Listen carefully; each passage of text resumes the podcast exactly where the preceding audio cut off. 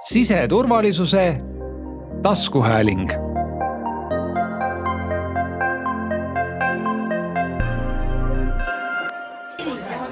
Martin, miks sa arvad, et äh, riik ja avalik sektor peaks tulema sellisele üritusele nagu Arvamusfestival? ma vihjan siin sellele, et Siseministeerium oli sel aastal väljas väga suurte jõududega sellisel ütleme, pehmel üritusel arvamusi avaldamas, avamas äh, diskussioone väga erinevatel teemadel. Äh, miks see sind kui kodanikku peaks puudutama? ma hakkan kinni sellest sinu esimesest sõnast, sa mainisid riik niisugune avalik sektor, et noh, riik tervikuna, me oleme ju kõik, et ma arvan, et sellised üritused aitavadki kaasa sellele, et noh, see on selline natukene stamp juba jutt, et, et, et silotornid, et natukene erinevad sektorid on ka kusagil silodes, aga lõppkokkuvõttes, kui sa sellele üritusele tuled, noh, siis sa, siis sa näedki seda tõelist palet, et, et kui näiteks avalikus sektoris tuled kohale, algatused, mida sa oled kusagil seal koridorides mõelnud, eh, siis sa näedki tõeliselt, noh, sa pead muidugi aususeks valmis olema, et kas need töötavad või ei tööta. ja ma arvan, et noh, nii me saamegi kujundada kõigile parimat selles mõttes elukeskkonda. mul tekkis natukene, natuke selline võrdlus ka, et, et noh, meile meeldib nagu lahterdada inimesi, noh, antud juhul siis, eks ju, et on ametnik, avalik sektor, erasektor ja siis kolmas sektor, on ju. et noh, mul tekkis see võrdlus, et, et hästi palju on sellist vastandumist ka selles rattasõidu ja autostumise nagu sellises debatis ja siis jalakäija mm. -hmm. aga mina olen selles debatis, ma, ma suudan samastuda nagu kõikide rollidega, sest ma ise olen kõikides rollides. ja, ja nüüd, mis puudutab riigi, erasektori kolmanda sektori vahel, eh, ma olen ka seal. et ma arvan, et me peaksime natukene ja see Arvamusfestival natukene aitabki sellele kaasa, et, et sa tuled sellest oma kingadest välja ja natuke noh, vähemalt üritad siis vaadata asjadele natukene teise nurga alt ja sealt, ma arvan, juba sünnivadki paremad lahendused. aitäh sulle! Mari, sa oled tänavu Arvamusfestivali esimest aastat. just. mis sinu emotsioonid, tunded on? üliäge. mis sa endaga kaasa võtad siit? selle tunde, see tunne on siin lahe, see, see, see vibe on siin lahe, siin on mõnus olla, ilm on imeilus, inimesed on toredad, jutud on huvitavad, selle kõik võtangi kas ma võin küsida, millistele aruteludele sa jõudsid täna? ma olin enamasti kogukonna alal ja ma kuulasin seda kogukonnaga seotud teemasid ja siis me olime kusagil päästealal, kuulasime noori inimesi rääkimas äh, arusaamisest kriisist ja kuidas nad kriisideks valmistuvad. aga põhiliselt mulle meeldis see kogukonnale, see oli väga äge. kas sa said enda jaoks mingi täiesti uue teadmise siit täna? Jaa, sain. just see kogukonna alal tuligi välja see mõte, et need ähm, kogukonnad, mis ähm, tekivad, et nad mõne aja pärast kaovad ja inimesed vaatavad sellele, kui ähm, nüüd meil läks pekki, on ju, see, see õhin kadus ära ja see langes ära, see, mida me tegime õhinapõhiselt. aga et sealt, selle arutelu käigus just tuligi välja, et see selline orgaanilisus ongi väärtus, et see, et see õhin kaob, siis tuleb järgmine inimene, tal on uus õhin ja siis see läheb jälle edasi, et see ei ole nagu läbikukkumine, kui see kogukond võtab, ma ei tea, aasta, kaks, kolm või X perioodi endale puhkuseks ja, ja tõmbab hinge et see on nagu kõik väga okei okay. ja et see oli väga, mulle selline terve ja uus mõtteviis, et see võtab nagu selle pinge ka ära, et ma tahaks midagi teha, aga noh, ma ei jõua ju eluaeg seda vedada, et siis ei pea kakskümmend neli seitse rapsima, see on väga ilus mõte, aitäh sulle, Mari! Viola, sina olid täna suuresti kriisi ja elanike valmisoleku teemadel kaasas Siseministeeriumit esindamas. mis mõtetega sa täna siia tulid ja mis mõtetega sa ära lähed? Ja meie teema seekord äh, oli seatud nii, et äh, kiire ohuteavitus või õigeaegne ohuteavitus versus paanika külvamine.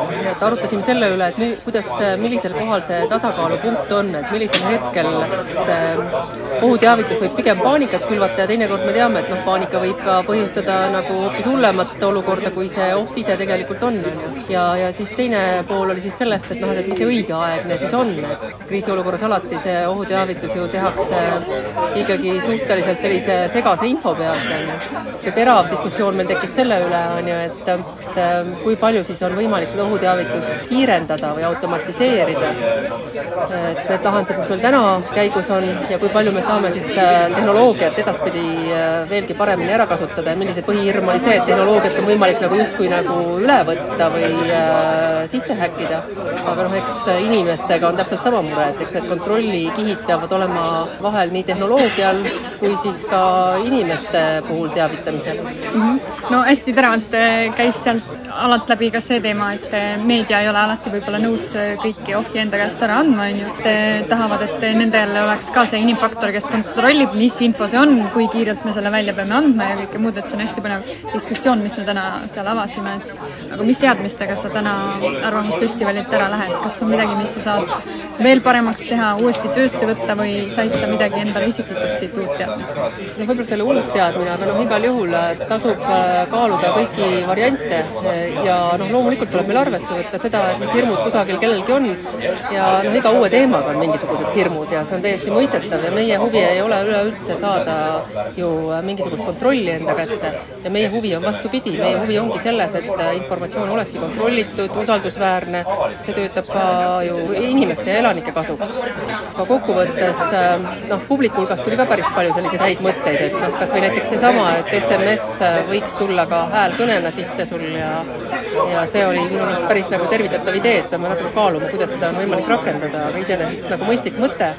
ja ma pärast meie ala kuulasin veel siis äh, Jakob Rosin vedas äh, sellist teemat nagu metaversumis ei ole puudeid ja seal tuli täpselt sama teema, et tegelikult puuetega inimesed ka ootaksid seda, et see SMS ei tule sul lihtsalt nagu telefoni peale, vaid võiks olla mingi erisignaal, et see tuleb sul ka häälsõnumina sel hetkel. et iseenesest nagu väga kasulik praktiline idee. nii et läheb töösse? vaatame, mis see maksab või mis see tähendab, aga, aga põhimõtteliselt küll jah, ideena kindlasti. no igati väärt päev, nii et äh, kõik on asja ette läinud, aitäh sulle! Kadi, mis sina tänasest kaasa võtad, mis sul kõige rohkem meelde jäi? Mulle kõige rohkem ehk meeldisid äh, noorte arutelud, et kuidas nemad on äh, seotud siis siseturvalisusega, kuidas nad vabatahtlikkusega ja kui tegelikult raske on neil oma sõpradega selles mõttes toime tulla, et nad on sageli üksi selle teema sees, sest teised ei ole, ei tule kaasa sellistele organisatsioonide üritustele, tegevustele, aga samas nad on ise sellest nii mõnusalt vaimustunult ja ja Margo ütles sinna lõppu minu arust kuidagi hästi küll raskust pannes nendele noortele, aga see, et et nendele hakkavad tegelikult nende sõbrad toetuma, kui on päriselt kriis. et äh, ma arvan, et meil on väga mõnus niisugune noor põlvkond tulemas. olen kinni püüdnud äh, Kristiina, millistel aruteludel sina täna käisid? mina käisin kogukonna alal ja kriisialal. mis sa nendest äh, kaasa võtad? Ma ütleks, et äh, kriisi alal mind kui teavitusinimest huvitas kõige rohkem just see ohuteavituse küsimus, et kuidas jõuda selle vanaprouani, kes on isegi oma nuputelefonilt võtnud ära selle funktsiooni, et ta SMS-i kätte saab, et äh, kuidas temani see kriisiteade öösel kell kolm jõuaks, et see on ka osa kommunikatsioonist aga kuidas ta jõuab siis, mis lahendus anti? minule jäi selline mulje, et lõpuks ikkagi peab tulema kas naabrinaine talle ütlema, et ta on mingisuguse teavituse saanud või siis tuleb äh, mootorrattal äh, selline inimene, kes on, kes on volitatud talle teatama. et siis tuleb mängu see kogukond? Siis tulebki kogukond ja kogukonna alal muidugi oli väga tuline arutelu, mida ma isegi ei oodanud, oli, oli sel teemal, kuidas siis katuseraha jagada või kas jagada ja, ja millised summad kellele, kuhu peaksid minema. Ja jälle tuli jutuks äh, vanaproua ja tuli jutuks tema kogukonna koht, kus ta käib ja, ja selle, selle katus konkreetselt kuna ma olin sellel arutelul, siis mul on äh, ka endale üllatuseks, see läks väga tuliseks ja seal oli väga palju arvamusi, see on hästi tore kogemus, mis minule endale jäi ka silma, et äh, kui me ei toeta neid vanaprouasid, kes koovad ja oma tantsu vihuvad seal kümnekesi kogukonnas, siis äh, tõesti see kogukond kukub jalule, kui on see kriis et, et me peame neid poputama ja hoidma isegi siis, kui nad noh, kui meile tundub, et see ei ole nagu mõistlik neile seda raha jagada, aga nende jaoks on see suur asi ja kui me vaatame kogukonda ja selle elujõulisust, siis on see ikkagi ülimalt oluline. nii et selles osas olen igati nõus sinuga. aitäh sulle! Silverster, sina käisid kuulamas maksuraha debatti, mis sa teada said? personaalne riik oli teema. Ja see on, oli ka rahadebati üks äh, osa, et, et kuidas siis äh, on võimalik äh, täpsemini ja vähem kulutada, aga minu jaoks on nagu ebaselge see, et, et ühest küljest nagu kõik rõhutavad, et tuleb riiki ametnikke vähendada, aga personaalne riik tähendab seda, et on täpsemalt sihitud asjad ini-, iga inimese jaoks, see tähendab seda, et tegelikult suurem maht on selles, et andmetega ja reeglitega, et et kui kõik on nagu vaba ja vabavooluteed, siis, siis on äh, kuhu ta jõuab? siis, siis, siis ta jõuabki igale poole, aga kui sa tahad personaalset riiki, see tähendab tegelikult suuremaid reegleid ja rohkem süsteeme ja kui sa samal ajal tahad nagu vahendada bürokraatiat ja inimesi, siis need kaks eesmärki on vastassuunalised. et, et me tahame kahte asja, mis on täiesti erineva nagu olemusega, et me peaksime selles mõttes siis äh, kokku leppima selle, kumb suund siis jääb? siis, et me ei saa samal ajal personaalset riiki ja, ja neid äh, vähem äh, süsteeme, et see ei ole noh, personaalne riik tähendabki seda, et et on igaüks on nagu kuidagimoodi võimalik tuvastada ja temani jõuda ju, et see on väga huvitav minu jaoks vastuolu. Aga said siis vastusega küsimusele, kuhu kaob tolm ja kuhu läheb raha. Kust tuleb tolm, sellest äh, ma, me ei, ei kuulnud. Ja, ja kuhu kuluga äh, on, on nagu ikka, äh, kui on erakondade esindajad, siis selline tüliõunaks, et kes tahab toetada lapsi, kes tahab toetada ettevõtlust, kes tahab toetusi ära võtta, kes tahab ühesõnaga maailmavaateline, et, et seal ei olegi õiget ja valet, et, et kuhu peab siis minema, aga see, et meil on riik ja turvaline riik, kus seda kõike saab siis arutada ja viljeleda ja valikuid teha, see on juba nagu selline noh, see on niisugune, ma ütleks, et vabadus seda kõike teha, et me näeme ju praeguse Ukraina näitel, et kui sul seda ei ole, millega sa nii väga oled harjunud, siis see noh, siis on äh, selles ühiskonnas hoopis teised äh, debatid ja diskussioonid. nii, olen püüdnud kinni, äh, Raivo, mille sina võtad tänasest kaasa, sa olid hästi tihedalt seotud kogukonnaala ja kogukonna keskse valitsemisviisi selle mõiste ja selle olemuse lähemale toomisel inimestele kas sa arvad, et see sai inimestele selgeks, mis asi on kogukond ja milleks meil seda vaja siis on? jaa, ma olen väga rõõmus selle üle, et mul, meil see, me selle kogukonna ala tekitasime ja, ja, ja sisuga ära täitsime. Mul kurb sellepärast, et ma teistele aladele üldse ei jõudnud.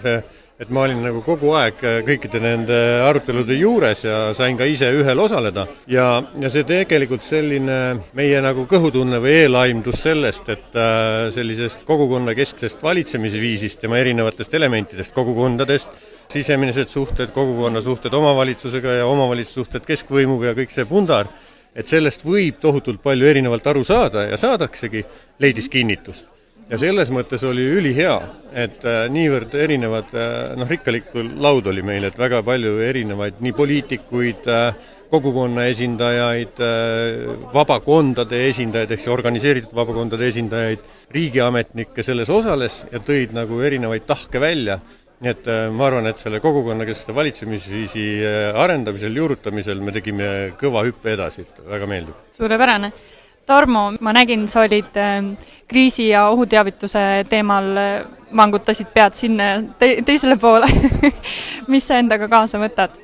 jah, see konkreetne, see kriisi sellel osalemine, see oli, see oli ainuke selline nii-öelda festivali osa, kus ma olin algusest lõpuni aga muidu ma olin rohkem, võib iseloomustada mind kui sellist niisugust intensiivset lugejat, kes võtab raamatu kätte kiiresti, lehitseb läbi, ehk siis kümme minutit ühes kohas, teises ja kolmandas kohas, kus sai veel käidud, mis olid minu jaoks väga põnevad, olid roheteemad, siis käisin ka tegelikult Elukaare, selline üks, üks festivali jupik oli päris huvitav, kus vaimulikud rääkisid erinevatest nii-öelda sellise meditsiinilise abistamise aspektidest, asjadest ja eetikast. päris huvitav oli puuetega mm, nii-öelda selline, sellised arutelud seal erinevatel teemadel, küll juurdepääsu teemadel, küll erinevate puuetega, et see oli päris kihvt, nii et äh, lugesin, võib öelda, alates usuteem- kuni lõpetades äh, kübernetikaga. kui me räägime Siseministeeriumist, siis äh, kas sa arvad, et need teemad, mis me lauda tõime, alates tõesti turvalisest tööelust, ennetuse, kogukonna ja rahastamiseni,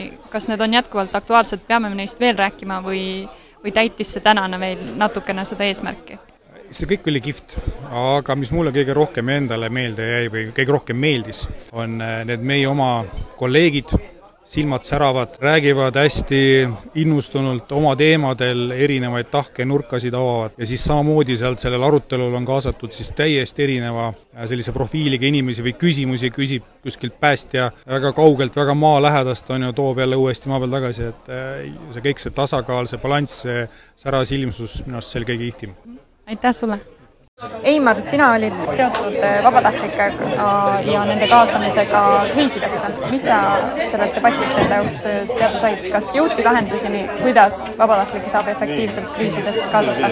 üks konkreetne asi, mis seal välja pakuti tegelikult on see, et, et enesekaitsekursus kõigile inimestele, see oleks midagi sellist, noh, ma ei tea, räägiti kohustuslikust, aga ma ütleks, et see, mis võiks olla inimese päriselu osa, ja teine asi, mis oli hästi palju koostööd rohkem vaja teha. et vabatahtlikud nagu tahaks rohkem kaasas olla erinevates asjades ja planeerimistes, võib-olla lihtsalt peab selge olema, kus nad saavad kaasas olla.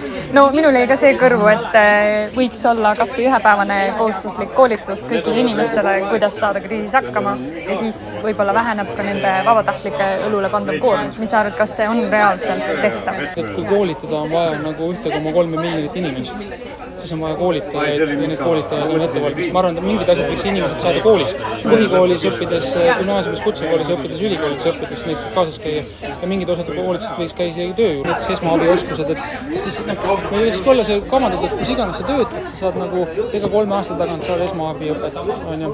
et kui sa elad kortermajas, siis selles kortermajas tehakse mingi õppus ja mingi koolitus mingi aja tagant, kui me nagu näeme, et lasteaedades ja koolides tehakse tuletõrje õppusi. ja loomulikult minu arvates, mis aitab lihtsalt, et tuleb olla ise vabatahtlik, osaleda erinevates organisatsioonides. mina olen abipolitsei, ma olen kaitseliitlane, ma olen Punases Ristis, ma mõtlen ka vabatahtlikuks päästjaks minna. see ei tähenda, et ma pean igal pool ma panust lõhki tõmbama, aga need oskused mul on olemas, ma saan neid värskendada aeg-ajalt ja siis, kui olenevalt sellest, mis on kriis või mingi olukord on, siis täpselt äh, see vastav amet või organisatsioon ütleb mulle, kus mind on vaja kõige rohkem. kui on sõda, siis ma olengi oma Kaitseliidu üksuses.